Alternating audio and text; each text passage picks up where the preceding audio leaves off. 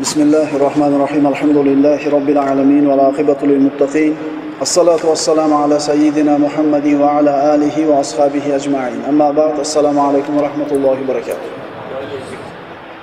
Yahudiler payg'ambarimiz sollallohu alayhi vasallamning oldiga maslahatlashib kelishdi aytishdiki ey muhammad dedi sizlar haybarni va uni ekinzorlarini bizchalik yaxshi bilmaysizlar Ya'ni haybar jaziradagi eng katta bir xurmozorlari bor bo'lgan mintaqa edi. Ya'ni katiba degan mintaqani o'zida qirq mingta xurmo bor edi. Bu nito va shaq mintaqasidan tashqari. Arab jazirasida boshqa hech yerda bunchalik ko'p xurmozorlar ekinzorlar yo'q edi. Yahudlar shuni aytyaptiki biz haybarni ekinzorlarni sizlardan ko'ra yaxshiroq bilamiz. Ey muhammad agar xohlasanglar bizni haybarda qoldiringlar. Mulkdor bo'lib qolmaylik xizmatchi bo'lib qolaylik ya'ni sizlarni xizmatinglarni qilamiz. Evaziga haybar hosilini bir yillik hosilini yarmini bizga berasizlar. Dedi. payg'ambarimiz sollallohu alayhi vasallam rozi bo'ldi. Shunday qilib ular haybarda qolishdi. Musulmonlarga xizmatkor bo'lib. Endi haybarda qolganlaridan keyin ular yashagani uyga ham muhtoj. O'zlarini uylari endi musulmonlarga mulk bo'lib o'tib ketdi. Musulmonlar yengdi ularni payg'ambarimiz ana shu uylarda turishlikka ham ularga ruxsat berdi. Lekin bog' uy haybarda qanday boylik bo'lsa bu musulmonlarning mulki ular faqat ijara bo'lib turadi ijarada turishadi va musulmonlarga xizmatkor bo'ladi. Musulmonlar xohlagan paytda ularni haydab chiqarishlikka haqlari bor. Musulmonlar mana shu shart bilan ularni qoldirishdi.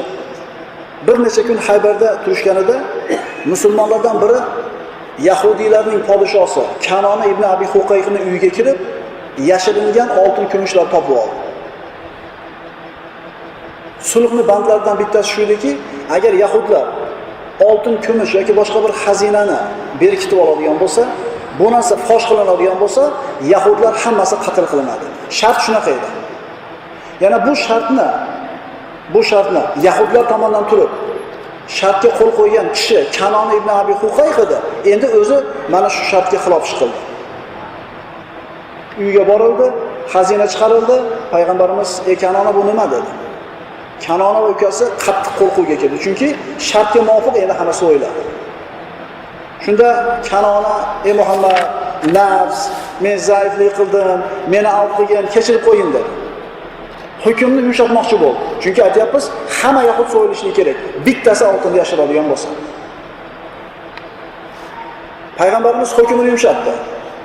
Kanona bilan ukasi rubayya olib keldi va mana shu ikkalasi qatl qilinishlikka buyurildi. Qolgan yahudlarni payg'ambarimiz qatl qilmadi. Vaholanki qatl qilib tashlashlikka haqqi bor edi. Haybar g'azoti nihoyasiga yetdi. Rasululloh chodirda o'tirar ekanlar qatl qilingan sallam ibn mushkimning ayoli zaynab bint xoris zaynab bint xoris payg'ambarimiz oldiga keldi. Bu marhabning inisi xorisning qizi edi. Sallam ibn mushkimning ayoli. Yahudiy ayol kelib ey muhammad dedi. Biz xiyonat qilganimiz uchun hammamizni qatl qilib tashlashinglar mumkin edi. Lekin bizni afv qildinglar. Shuning uchun sizlarga biz bir valima ziyofat tayyorladik dedi. Bir qancha pishirilgan taomlarni olib kelib payg'ambarimiz oldiga qo'ydi sahobalari bilan. Bu pishirilgan taomlarni orasida pishirilgan qo'y go'shti ham bordi qo'y bor edi pishirilgan qo'y bor edi. Va bu qo'yni zaharlagan edi. Zaynab bint haris mana shu qo'yni tayyorlayotib so'radi. Muhammad go'shtni qaysi qismini ko'proq yaxshi ko'radi? Yelka go'shti qo'l go'shti deyishdi. Ana shu joyiga zaharni ko'proq soldi. Rasululloh sollallohu alayhi vasallam sahobalar bilan o'tirdi taom oldiga olib kelib qo'yildi boyagi zaharlangan qo'y ham qo'yildi. Sahobalardan bishir ibn bishir ibn baro bishir ibn baro roziyallohu anhu birinchi bo'lib luqmani chaynab birinchi bo'lib yutdi. Qolgan sahobalar chaynashayotganida go'shtdan payg'ambarimiz to'xtanglar dedi. Payg'ambarimiz ozgina chaynab ozgina yutgan edi. To'xtanglar dedi tupurib tashlanglar dedi. Sahobalar sizga nima bo'ldi yo rasululloh? Rasululloh aytdilar bu qo'y zaharlanganligini menga aytdi dedi. Pishirilgan qo'y menga zaharlanganligini aytdi dedi. Hamma tupurib tashladi payg'ambarimiz sollallohu alayhi vasallam ham ozgina zahardan yutgan edi. Luqmani birinchi yutgan sahoba beshir ibn baro aytdiki yo rasululloh men birinchi luqmani yutganimdaglar bildim zaharligini dedi. Lekin sizni chaynab turganingizni ko'rib turib siz tupurmayotganingizda men tupurishingni xohlamadim dedi. Ya'ni qanday qilib siz chaynab yutsangiz men yutmayman dedim. O'zimni jonimni siz ustidan ustun qo'ymadim dedi. Ularni payg'ambarimiz sallallohu alayhi vasallamga bo'lgan muhabbati shunday edi. Zaharni yeyotganini bilsa ham rasululloh tupurmadiyu qanday tupuraman deb yutib tashladi. Beshir ibn baro roziyallohu anhu mana shu zahar tufayli shol bo'lib qoldi. Bir yildan keyin u kishi shu zahar sabab vafot etdi. Vafot etgandan keyin payg'ambarimiz zaynab bint harisni qatl qilishlikka buyurdi. Rasululloh sollallohu alayhi vasallam umri davomida mana shu yutgan zaharni alamini o'zida sezib yurdi. Vaqti vaqti bilan bu kasal xuruj qilib turardi. Rasululloh bir qattiq alamni og'rini sezar edi payg'ambarimiz aytadi haybarda yegan qo'y sababli og'riqni sezib yurdim deydi. Ya'ni bu hadis payg'ambarimiz vafot etishidan buni aytgan. Bu dedi payg'ambarimiz menda yurak tomirini uzilishini boshlanishi edi dedi. Menda ana shu yurak tomirini uzilishini boshlanishi shu edi deydi. Payg'ambarimiz sollallohu alayhi vasallam vafot etganlaridan keyin mana ibn qoyim javziy aytadi rasululloh mana shu zaharni ta'sirida shahid bo'ldi deydi. Rasulullohni vafot etishligi ham shahidlik deb e'tibor qiladi chunki ana shu g'azotda u kishiga berilgan zarbani ta'siri bo'ldi. Payg'ambarimiz sallallohu alayhi vasallam ustida hamma sharaf hatto shahidlik sharaf ham jamlandi. Haybar g'azoti nihoyasiga yetdi. Musulmonlardan 19 kishi shahid bo'ldi yahudlardan 93 kishi. Payg'ambarimiz mana shunday bir holatda turganida bir jamoa odamlar keldi. Bular habashistondan kelgan muhojirlar edi. Bular payg'ambarimiz sollallohu alayhi vasallamni so'zi bilan habashistonga hijrat qilib mana shu joyda haybargacha turgan kishilar edi. Ularni boshlig'i jafar ibn abi tolib roziyallohu anhu edi. Ularni chaqirib kelishligi uchun payg'ambarimiz amr ibn umayya zumriyni habashistonga jo'natgan edi. Muhojirlar habashistondan madinaga kelganida musulmonlar haybarga chiqib ketgan edi. Ular ham biz ham qatnashamiz deb haybarga kelishgan edi. Ular kelganda haybar g'azoti nihoyasiga yetgan edi. Shunda payg'ambarimiz sollallohu alayhi vasallam jafar ibn abi tolib va habashiston muhojirlarini ko'rib turib aytdilarki vallohi ma adri bi ayyihima ana asar. Abi fathi haybar am bi qudumi jafar. Vallohi bu ikki ishni qaysinisidan ko'proq xursand bo'lishni bilmayapman. Haybarni fath bo'lgandan xursand bo'laymi yoki jafarni kelganligidan? Shunday qilib habashiston yo'lidagi muhojirlar haybar g'azoti nihoyasida madinaga qaytib kelishdi. So'ngra ana shu muhojirlarga ham haybar g'animalaridan o'lja berishlikni e, nasiba berishlikni buyurdi. Chunki ular ham qatnashamiz degan niyatda kelishgan edi. Payg'ambarimiz sollallohu alayhi vasallam yahudlarni hali sulhga kelishmasidan avval qochib ketganlari fadak degan mintaqaga borgan edi. Keyin payg'ambarimiz fadakka bordi. U yerda yahudlarni sulh bilan ularni ham fath qildi. Haybarda nimaga kelishilgan bo'lsa fadakdagi yahudlar ham xuddi shu shartlarga ko'nib payg'ambarimizdan sulhga kelishdi. Yana vodil quro degan mintaqa bor edi. Bu yerda ham yahudiylar yashardi. Ular bilan jang qildi. Ularni nimalar bo'lsa hammasini payg'ambarimiz o'lja qilib qo'lga kiritdi. Mana qarang fadak vodil quro taymo degan mintaqalarda ham yahudiylar yashar lekin u mintaqalar haybarchalik katta qiymatga ega emas edi. Taymo mintaqalari payg'ambarimizga jizya berishlikka rozi bo'lishdi. Urushni ham xohlamaymiz islomni ham xohlamaymiz jizya to'lab yashaymiz deyishdi. Mana shunday qilib yahudlar yashaydigan hamma mintaqa fath qilindi. Hammasi sulh bilan yoki jang bilan olindi faqatgina taymo yahudiylari jizya bilan qoldi. Arabiston yarim orolida jazirada yahudiylar shunday qilib qoldi. Payg'ambarimiz tirik davrida yahudlar bor edi jazirada. Abu bakr davrida ham bor edi. Umar ibn hattob davrida ham bor edi. Lekin umar ibn hattob davrida yahudiylar haybarda bir musulmonni qatl qilib qo'yishadi. Umar ibn hattob qotillar menga tutib berasizlar deydi ular itoat qilishmaydi. Agar tutib bermasanglar hammanglarni jaziradan haydab chiqaraman yahudlar qaysarlik qiladi tutib berishmaydi. Shunda umar ibn hattob roziyallohu anhu hamma yahudiylarni jaziradan haydab chiqaradi.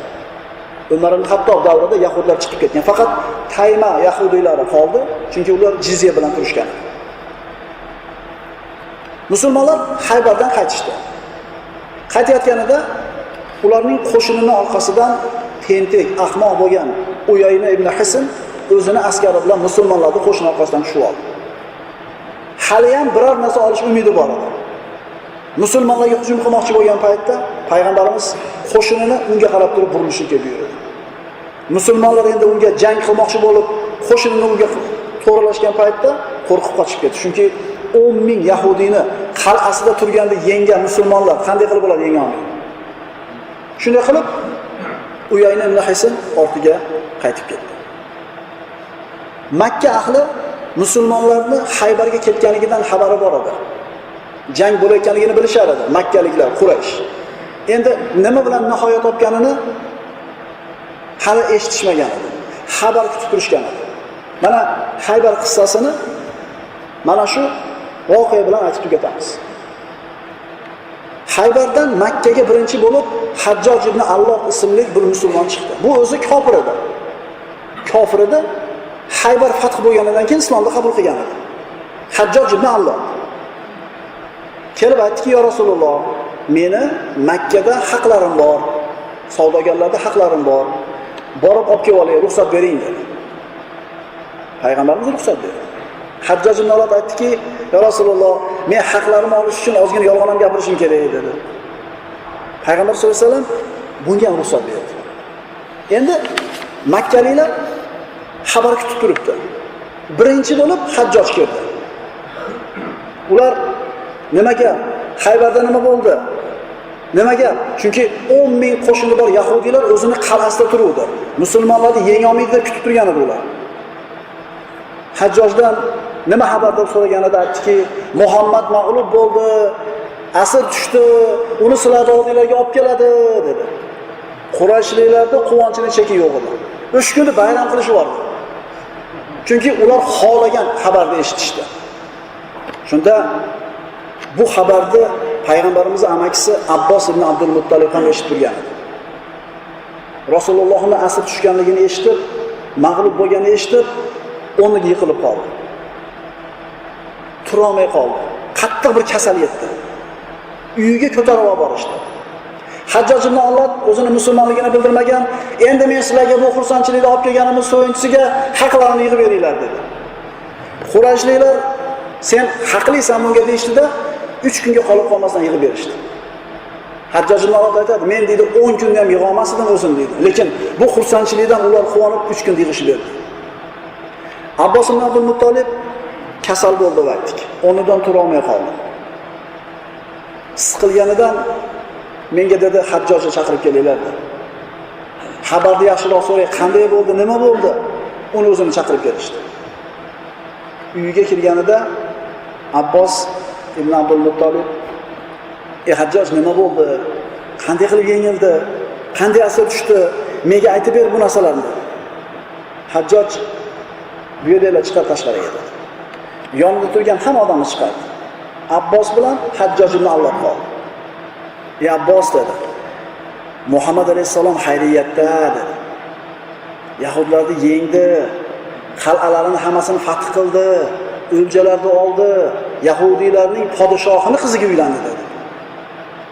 Abbosni kasali ruhiy kasallik edi shart turib ketdi o'rnidan. Chunki u uni o'tkazgan narsa shu xabar edi. Endi turgizgan narsa mana shu xabar bo'ldi. Turib yugurib chiqib ko'chaga xabar qilaman dedi. Hajjoj aytdi ey abbos sabr qil dedi. Sabr qil haqlarini yig'ishib bersin. Olib ketib qolay. Ketganimdan keyin ini chiqaverasan abbos aytdi mayli sen ketasan dedi. Uch kundan keyin gapiraman. Hajjoj ibn olib haqqini olib ketdi.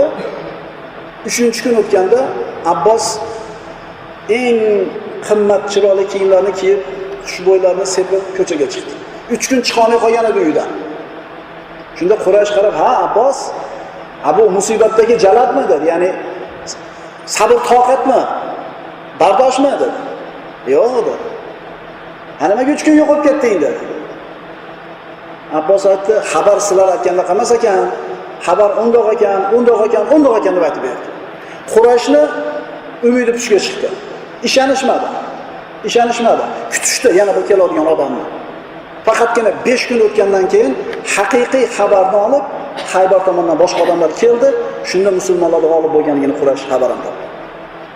Shunday qilib Haybar g'azoti nihoyasiga yetdi.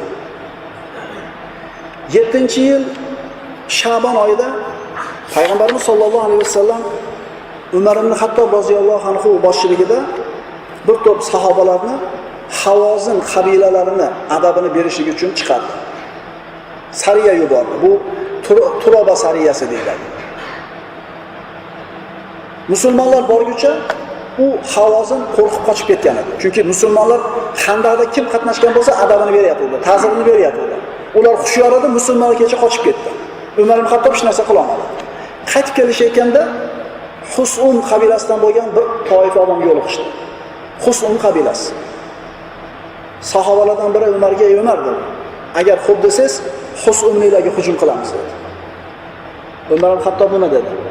Rasululloh meni Havozinga yuborgan, Husumga emas dedi. Hujum qilish imkoniyati bo'lib turib, Husumga hujum qilmayapti. Vaholanki ular ham Xandaqda qatnashgan edi. Maqsad u g'anima, maqsad o'lja birovni qatl qilish emas. Maqsad Rasulullohga itoat edi. Rasululloh menga Havozinda buyurgan, Husumga hujum qilmaymiz dedi. Shu yilning 7-yilning, mana shu 7-yilning Shabon oyida yana payg'ambarimiz Abu Bakr Siddiq roziyallohu anhu Banu huzora va Banu Kilab qabilalariga chiqardi. Ya'ni ko'ring, payg'ambarimiz Handaqda musulmonlarga qarshi kelgan 10 ming qo'shin kimlar qatnashgan bo'lsa bunda bittama bitta payg'ambarimiz ta'zirini beryapti. Bittama bitta. Abu Bakr Banu Kilab qabilasiga duch keldi, hujum qildi, qatl qildi ulardan, asir oldi, Madinaga qaytib keldi. Yana 7-yilning Shabon oyida Fadakka sayriga yuborildi. Mana Banu Murra qabilasi bu ham handoqda qatnashgan edi. Banu Murra G'atafon bilan urug'chiligi bor edi. Agar esimizda bo'lsa, Uyayna ibn Hisn yahudiylarga yordam beraman deb turganida Xoris ibn Avf Banu Murraning sayidi sen ularga yordam berma. Yahudiylarni 2 marta so'yilishi bor deganini eshitganman deb qaytargan edi. Mana shu Xoris ibn Avf. Payg'ambarimiz sollallohu alayhi vasallam Bishr ibn Sa'd roziyallohu anhu boshlik 30 kishini Banu Murraga jo'natdi. Banu Murra ularga musulmonlar kelishini bilishar edi. O'zlaridan juda bir uzoq masofaga pistirmalar qo'yib qo'yishgan edi. Bishr ibn Sa'd 30 ta sahoba bilan kelar ekan, hali ularga uzoq deb xotirjam bo'lib qolishgan edi. Kutilmaganda to'satdan Banu Murrani pistirmas hujum qildi, ikkita qo'shin o'rtasida jang bo'ldi. 30 ta sahoba hammasi qatl qilindi. Hammasi shahid bo'ldi. Faqat Beshir ibn saad roziyallohu anhu yarador bo'ldi. Qochib Fadakka kirdi, yahudiylar himoyasiga oldi. Fadakdagi yahudiylar bilan payg'ambarimizni sulhi bor edi. Uni himoyasiga olishi shu bilan Beshir ibn saad omon qoldi. Mana shu 30 ta kishini mag'lub bo'lishligi o'zini salbiy ta'sirini ko'rsatdi. Chunki Haybarda bo'lgan g'alaba, undan avvalgi bo'layotgan janglardagi g'alabalarni ko'rib, mushriklar, "Ha bu musulmonlar yengilmaydi, bular bilan urushib bo'lmaydi" degan xayolga borib qolishgan edi. Endi bu 30 ta odam mag'lub bo'lgandan keyin, "E, bular bilan urushsa bo'lar ekan u. Bularni yengsa bo'lar ekan" degan jur'at paydo bo'ldi. Shu yilning 7-yili mana Ramazon 7-yilning Ramazon oyida 130 kishini payg'ambarimiz sollallohu alayhi vasallam G'olib al-Laysi boshchiligida Banu Salab, Banu Avol bana adamini bergan yubordi. E'tibor bering, payg'ambarimiz sollallohu alayhi vasallam musulmonlarga adovati bo'lgan, musulmonlarga bir dushmanchilikda qatnashgan mana shu qabilalarni bitta-bitta adabini beryapti. G'olib al-Laysi roziyallohu anhu 130 kishini yetalab Banu Salaba yerga qarab ketdi. Endi Beshir ibn Sa'dning ishidan keyin nahotda hushyor bo'ldi bu sahoba. Chunki pistirmaga to'g'ri kelib qoldi, bu 30 ta sahoba shahid bo'lib ketdi.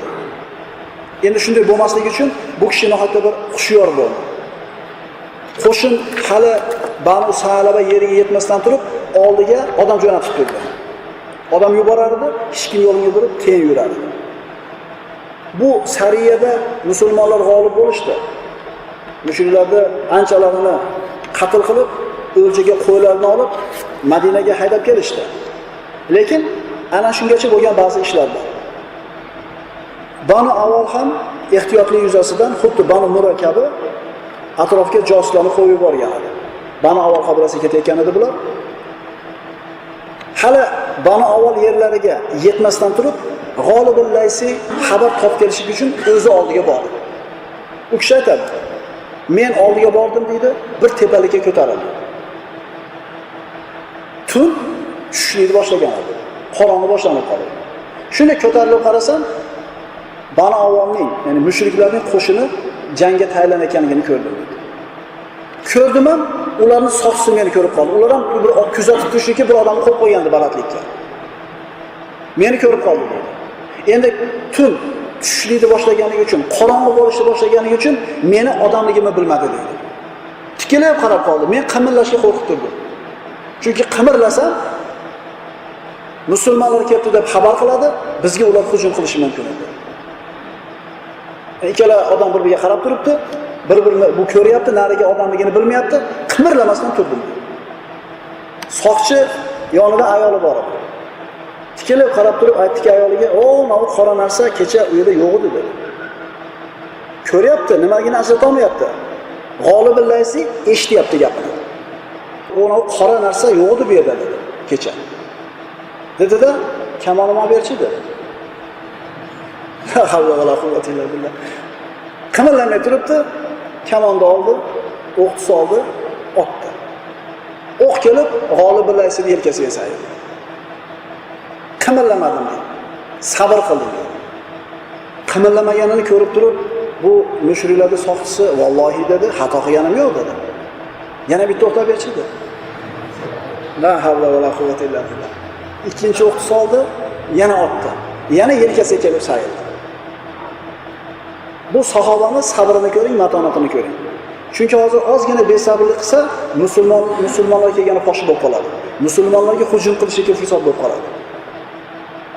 Qimirlamadim deydi Endi hamma yoq zulmatga cho'mganidan keyin sekin tushdi, qaytib bordi.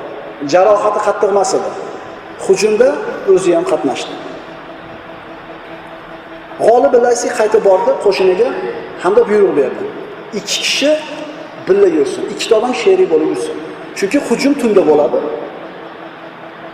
Sherigini yo'qotib qo'ygan odam, ya'ni xabardor bo'lib tursin. Qaytib kelgandan keyin qani sherigin desa bilmayman demasinlar, g'olibullaysi ikkita odam birga yursin deb Hujum qilindi to'satdan. Musulmonlar ularni yengdi, qatl qilishdi, o'ljalarni olishdi, orqasiga qaytishdi. usomat ibn Zayd roziyallohu anhu bir ansoriy bilan sherigi. Qo'shin qaytayotganda Banu Avval qabilasidan, mag'lub bo'lgan qabiladan bir kishi qo'shinni orqasidan erchidida Ansoriy va usomat ibn Zayd orqasidan kelib, islom va musulmonlarni haqorat qildi. Payg'ambarimizni masxara qildi. usomat ibn Zayd payg'ambarimizga nabira qatori deydi. Mana bilasizlar, Zayd ibn Horisa hali tabanniy oyatlari nozil bo'lmasdan turib, Zayd ibn Muhammad deb chaqiriladi. Zayd ibn Horisa payg'ambarimizga kichkinaligida qul bo'lib kelgan, hali payg'ambar bo'lmasidan avval. Ota-onasi, otasi topib, bolasini qul bo'lib ketganligini topib, Horisa Ey Muhammad, meni o'g'lim senda qul ekan. Aytgan pulingga sotib olib qaytarib ketaman deganda payg'ambarimiz hali payg'ambar bo'lmay turib, sotmayman dedi. Sotmayman, Zaydga ixtiyorni beraman dedi. Usomon otasi.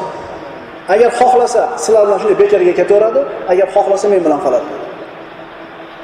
Shunda Zayd ibn Horisaga payg'ambarimiz mana bu ikkala kishini taniysizmi deydi. Zayd aytadi, bu otam, bu amakim deydi. Sizga ixtiyorni berdim deydi. Hali payg'ambar bo'lmay turib, xohlang bular bilan keting, xohlang men bilan qoling. Zayd ibn Horisa aytadi, siz bilan qolaman deydi. Qul bo'lib qolishni xohlayapti. payg'ambarimizni qo'lida ota-onasi bilan ketishlikni o'rnaydi. Ey bola, esingni yig' desa aytadiki, "Vallohi" deydi. Muhammad menga qilgan muomalasini ota-onam ham qila olmaydi deydi. Men qoldim deydi. Payg'ambarimiz sollallohu alayhi vasallamni axloqi shunday bir oliy axloq bo'lganki, payg'ambar bo'lmay turib, qul qul bo'lib qolishga rozi bo'lyapti. O'zi qulni bitta orzusi nima? Ozod bo'lishmi? Payg'ambarimiz Zaydni o'ziga bo'lgan muhabbatini ko'rib, Qurayshni olib gap chiqqan edi. Ey Quraysh, Zayd bugundan boshlab meni o'g'lim degan edi. Ya'ni u muhabbatiga muhabbat bilan javob bergandi payg'ambarimiz. U meni merosxo'rim dedi. Shu kundan boshlab otalari ketdi, Zayd ibn Muhammad deyilgan edi. Keyin tabanniy oyatlari tushgandan keyin Zayd ibn Horisa deb aytiladi. Endi Usoma mana shu zaydni o'g'li. boyagi bani avval qabilasidan bo'lgan kishi islomni so'kdi musulmonlarni so'kdi payg'ambarimiz masxara qildi usoma ibn zayd u orqaga qaytib quvib ketdi qochdi haligi bani avlodniki anchagacha quvib bordi yetolmasdan qaytib kelib qo'shin bilan yana ketyapti boyagi mushrik E yana orqasidan kelib yana so'kib yana haqorat qilib musulmonlarni payg'ambarimizni davom etkazdi usoma yana quvib ketdi orqasidan haligi ansoriy she'riga aytdiki ey usoma dedi uni holi qo'y dedi yo'lingni davom etkizdi. Vallohi qanday qilib holi qo'yaman? Payg'ambarimiz masxaralab turibdi dedi. Yana haligi bani kelib yana so'kib haqorat qilishni boshlagan paytda ikkalasi quvib ketdi endi. Usomat ibn zayd ham ansoriy ham. Ikkalasi uni quvib bir daraxt tagiga yetganda yetib borish ikkalasi. Ansoriy qilichini ko'tardi. Usomat ibn zayd qilichini ko'tardi. Shunda haligi mushrik ashhadu an la ilaha illalloh va ashhadu anna muhammad rasululloh deb bordi. Qilichni ko'targanda ikkala sahoba. Ansoriy qilichni tortib oldi usomat ibn zayd shat chof tashladi kalima keltirgandan keyin chof tashladi lekin kalimani qaysi holatda keltiryapti? Ustiga qilich ko'tarilgan ansoriy ey usoma shahodatni aytgandan keyin chop tashladingmi dedi usoma ibn zayd u qilichdan qo'rqib aytdi dedi. Islom va musulmonlarni so'kib payg'ambarimizni masxara qilayotganini eshitmadingmi dedi. Ansoriy indamadi. Kelib qo'shinga qo'shilishdi. Ansoriy g'olibul laysiyga amirga usomani qilgan ishini aytdi. G'olibulla esa aytdi ey usoma qanday qilib shahodat kalimasini keltirganni qatl qildingiz dedi u aytdiki qilichdan qo'rqib aytdi qilichni ko'rib turib aytdi ozgina avval musulmonlarni masxara qilyotgandi payg'ambarimizni haqorat qilyotgandi dedi. G'olibulla esa indamadi madinaga qaytib kelishdi. Payg'ambarimiz sollallohu alayhi vasallamga bu sariyani xabarini aytdi nima ishlar bo'ldi qanday bo'ldi? Shularni qatorida usomani qilgan ishini ham payg'ambarimizga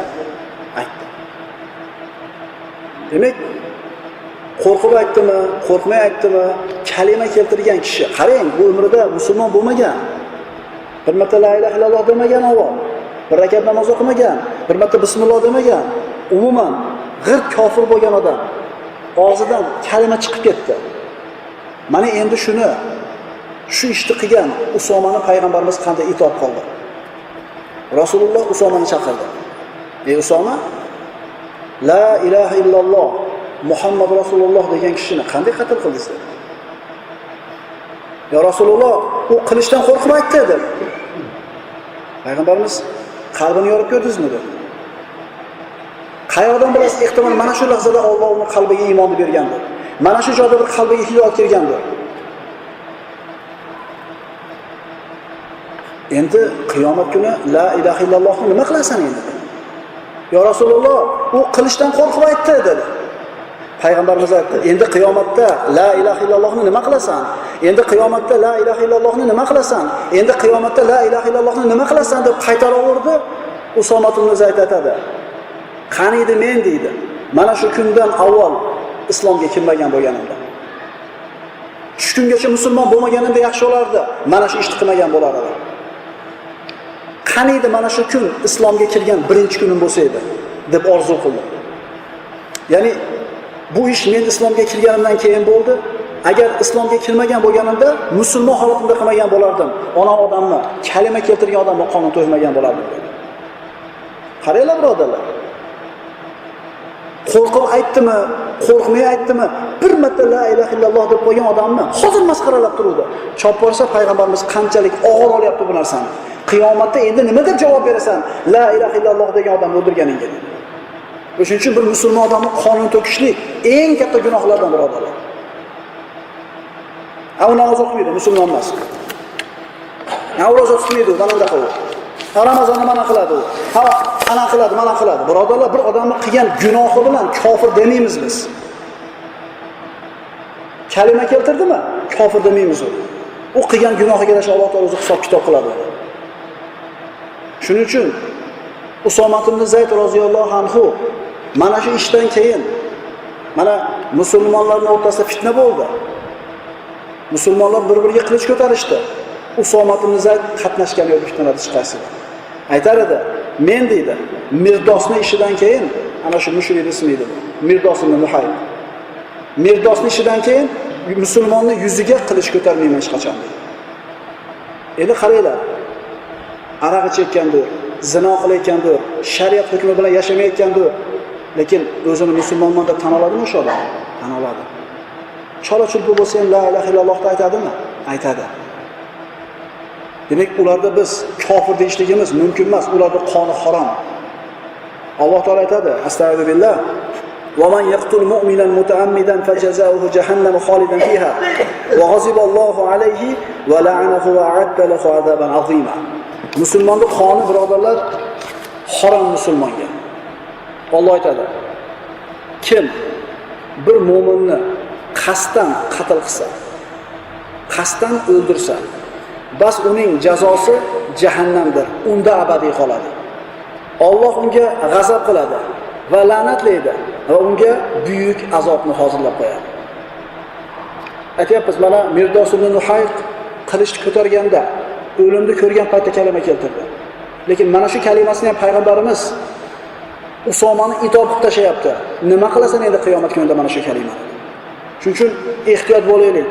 Bir musulmonni qonini halol deb olishlikka bir musulmonni qatl qilishlikdan mana shu qatlga sabab bo'ladigan ishga qatnashib qolishlikdan olloh panoh bersin.